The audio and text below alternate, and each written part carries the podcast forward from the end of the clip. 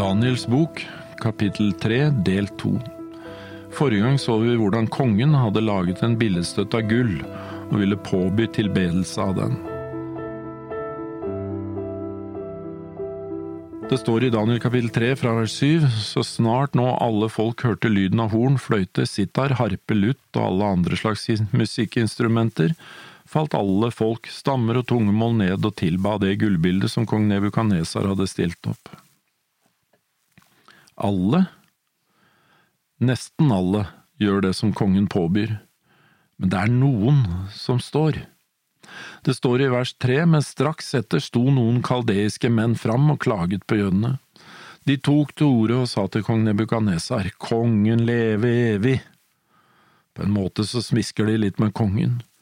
Konge, du har gitt befaling om at hvert menneske som hører lyden av horn, fløyte, sitar, harpe, lut, sekkepipe og alle andre slags musikkinstrumenter, skal falle ned og tilbe gullbildet, og at den som ikke falt ned og tilba, skulle kastes i den brennende ildovnen. De nevner ikke noe om at ideen kom fra dem. De forteller heller ikke noe om de misunnelige tankene som lå bak. De gjentar det kongen har sagt, og bruker hans ord for det det er verdt. Nå var det endelig en mulighet til å bli kvitt disse tre hebraiske gutta som hadde fått høye posisjoner i statsforvaltningen, og de minner kongen på hans påbud. Men nå, nå er det noen jødiske menn her som du har satt til å styre landskapet i Babel. Shadrach, Meshach og Abednego. Egentlig så er det en eh, anklage mot kongen. Det er noen jødiske menn her, det oser av misunnelse det de sier. Du har gjort det, konge, du har satt dit til å styre, nå kan du se hva det fører til. Disse menn har ikke haktet på ditt bud, konge, de dyrker ikke dine guder, og det gullbildet du har stilt opp tilber de ikke. De sier det ikke, men det ligger litt i lufta, de fremhever seg selv. De vil gjerne ha posisjon, og de slikker kongen på ryggen. Kanskje dette var virkelig muligheten til å bli kvitt de jødiske mennene. For Shadrach og Meshach og Abenego hadde trosset kongens bud, og det på tross av følgende. De gjorde det fordi de mente det var rett. Gud hadde sagt Herren din Gud skal du tilbe, ham alene skal du tjene. De forbeholdt seg retten til å tjene Gud etter sin egen samvittighet. Det er et forsvar av samvittighetsfrihet. For det er ikke noe selvfølge i vår verden. Heller ikke i dag. Daniel kapittel tre handler om tilbedelse. Det forutsier noe om at samvittigheten kommer til å bli truet igjen, og at det kommer til å bli religiøse lover som igjen kommer til å bli vedtatt i endens tid. I Daniel kapittel 2 vers 44 sto det at Gud ville opprette et rike. Opprette der er samme ordet som brukes i Daniel kapittel 3 og vers 12, hvor det er oversatt med at kongen har stilt opp, altså opprettet sitt, gullbilde.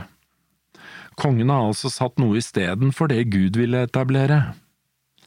I vers 13 så står det da ble kong Nebukadnesar oppbrakt og vred, og bød at Shadrach og Meshach og Abenego skulle bringes til ham. Så ble disse mennene ført fram for kongen. Kongen ble sint, altså.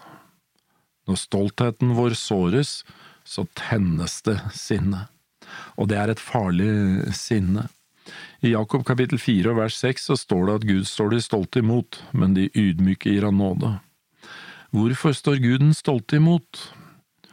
Ganske enkelt fordi den stolte vet best selv. Han er egentlig ukorrigerbar. Så lenge et menneske er kontrollert av sin stolthet, så er det umulig for Gud å nå inn til ham.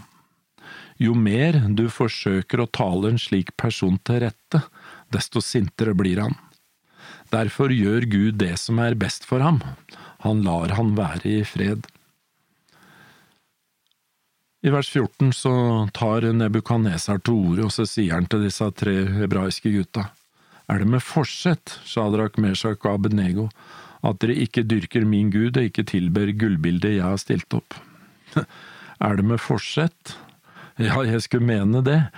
Du er ikke uvitende når du velger noe annet, selv om du har en trussel om dødsstraff hengende over ditt hode.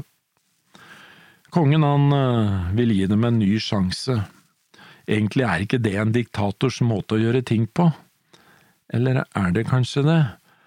Eh, jeg tror kongen ønsker å fremstå som medmenneskelig, men han ble vel noe usikker etter at det ikke hadde bøyd seg for hans autoritet. Men stopp opp litt her. Det er noe som kanskje ligger her som vi trenger å få tak i. Kongen er først hard og urimelig, så mild. Tenk gjennom det i det neste verset vi leser. Nå vel, sier han, dersom dere, når dere hører lyden av horn, fløyte, sitar, harpe, lutt, sekkepipe og all slags instrumenter, er rede til å falle ned og tilby det bildet jeg har gjort, så er alt godt og vel. Hvis dere ikke tilber det, så skal dere i samme stund kastes i den brennende ildovnen.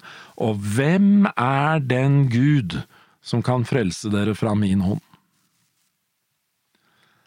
Egentlig så tenker jeg litt at dagen hans allerede var ødelagt, men han vikler seg selv mer og mer inn i sitt eget nett av stolthet. Rettskafne gutter som ikke viker av under trussel om dødsstraff. Det er mange mennesker som skifter mening under trussel om dødsstraff, men dersom man har et forhold til Gud, så skifter man ikke Gud bare for å berge livet, bare fordi kongen gir dem en ny sjanse. Hvem er den Gud som kan frelse dere fra min hånd? Kongen burde egentlig visst hvem den Gud var, for han hadde selv opplevd han da han fikk gjengitt sin egen drøm. Han hadde opplevd ham i aktivitet da Daniel fortalte ham tydningen av drømmen også. Nå hadde han forherdet hjertet sitt igjen, på tross av det han før hadde opplevd. Han turer fram i sin blindhet, og han opphøyer seg selv over Gud. Hvem er den Gud som kan frelse dere fra min hånd? Han tror ikke det finnes en Gud som kan frelse dem. Er det med forsett? Shadrach, Meshach og Abenego de tok da til orde og sa til kongen, Nebukanesar, vi behøver ikke å svare et ord på dette. Hvorfor behøvde de ikke det? Hadde kongen slippet ut sinnedampen sin og tenkt seg om, så hadde han visst svaret for han visste at gutta ikke var til salgs. Men han ønsket at det skulle være annerledes, på tross av det han visste, og derfor spør han og vil gi dem en ny sjanse, egentlig så er det manipulasjon. Når det ikke går som kongen vil, så presser og truer han og gir de en ny sjanse, og så snur han situasjonen på hodet, får det til å se ut som det er han som er grei, og gutta som er urimelige. Når folk vet hva du står for, så behøver du ikke å gjenta det hele tiden. Om de spør deg igjen og igjen, ja, så endrer ikke det på noe. I Johannes 9,27 står det, Han svarte dem, Jeg har allerede sagt dere det, og dere hørte ikke på det, hvorfor vil dere høre det nå igjen? Kanskje også dere vil bli hans disipler. Jesus hadde jo helbredet en blind mann, men de likte det ikke, og de ville gjerne vite hvem som hadde gjort det men de trodde ikke på ham når han fortalte dem det. Og de spør igjen, men egentlig var de bare ute etter å manipulere mannen, men mannen var ikke dum. Jeg tror også han fikk hjelp av Den hellige ånd. I Johannes kapittel 19 og vers 10 så står det, Pilatus sier da til ham, det er jo forhøret av Jesus. Svarer du meg ikke? Vet du ikke at jeg har makt til å gi deg fri og makt til å korsfeste deg? Jesus svarte, Du hadde ingen makt over meg om det ikke var gitt deg ovenfra, det er fra Han som overga meg til deg større synd. Han gikk så inn i borgen igjen og sa til Jesus, Hvor er du fra? Det er vers ni, men Jesus ga ham ikke noe svar. Pilatus sier da til ham, Svarer du meg ikke? Vet du ikke at jeg har makt til å gi deg fri, og makt til å korsfeste deg? Om du lever et åpent liv, hvor dine livsprinsipper åpent vises, hvor du aldri går på akkord med det som er rett, så behøver du egentlig ikke svare, for da vet mennesker hva du står for. Og Nebukadnesar, han visste nok også hva gutta sto for. Han kjente bare ikke til den kraften som de tre hebreerne hadde tilgjengelig i sine liv til å la være med å fire på prinsipper, selv under trussel om dødsstraff. De var ikke til salgs, De hadde bestemt seg på forhånd. De var samvittighetsfulle. De hadde prinsipper, en verdinorm som de selv hadde valgt før de kom i den vanskelige situasjonen, og som hjalp dem når de sto i en slik situasjon. Situasjonsetikk hadde derfor ingen plass hos dem.